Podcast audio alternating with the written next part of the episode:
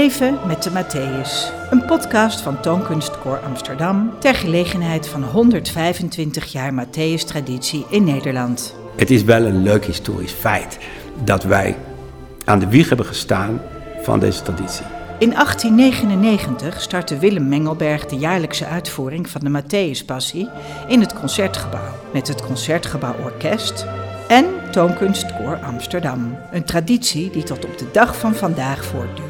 Maar die traditie blijft, want we houden hem ook in stand. We willen hem in stand houden. Dus het blijft gewoon. En wie er komt, komt er en is altijd uitverkocht op een of andere manier toch. In zes afleveringen neem ik, Hester Bolt, koorlid bij Toonkunstkoor Amsterdam, je mee in de zoektocht. Een zoektocht naar de verklaring van het Nederlandse succes van dit werk, vanuit het menselijke perspectief. Met aandacht voor uitvoerende, publiek en medewerkers achter de schermen. Grote koren, kinderkoren en eh, groot orkest eh, soms. Soms klein orkest en alles kriskras door elkaar, ook ons eigen personeel nog.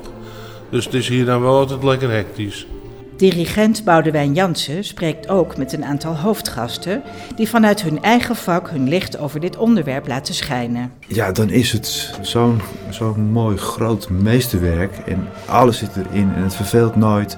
En ik kan het wel drie keer op een dag achter elkaar luisteren en dan hoor je ook iedere keer weer wat nieuws. Tussendoor luisteren we naar fragmenten van uitvoeringen van de Matthäus door Toonkunstkoor Amsterdam, nog steeds jaarlijks op Goede Vrijdag te beluisteren in het Concertgebouw.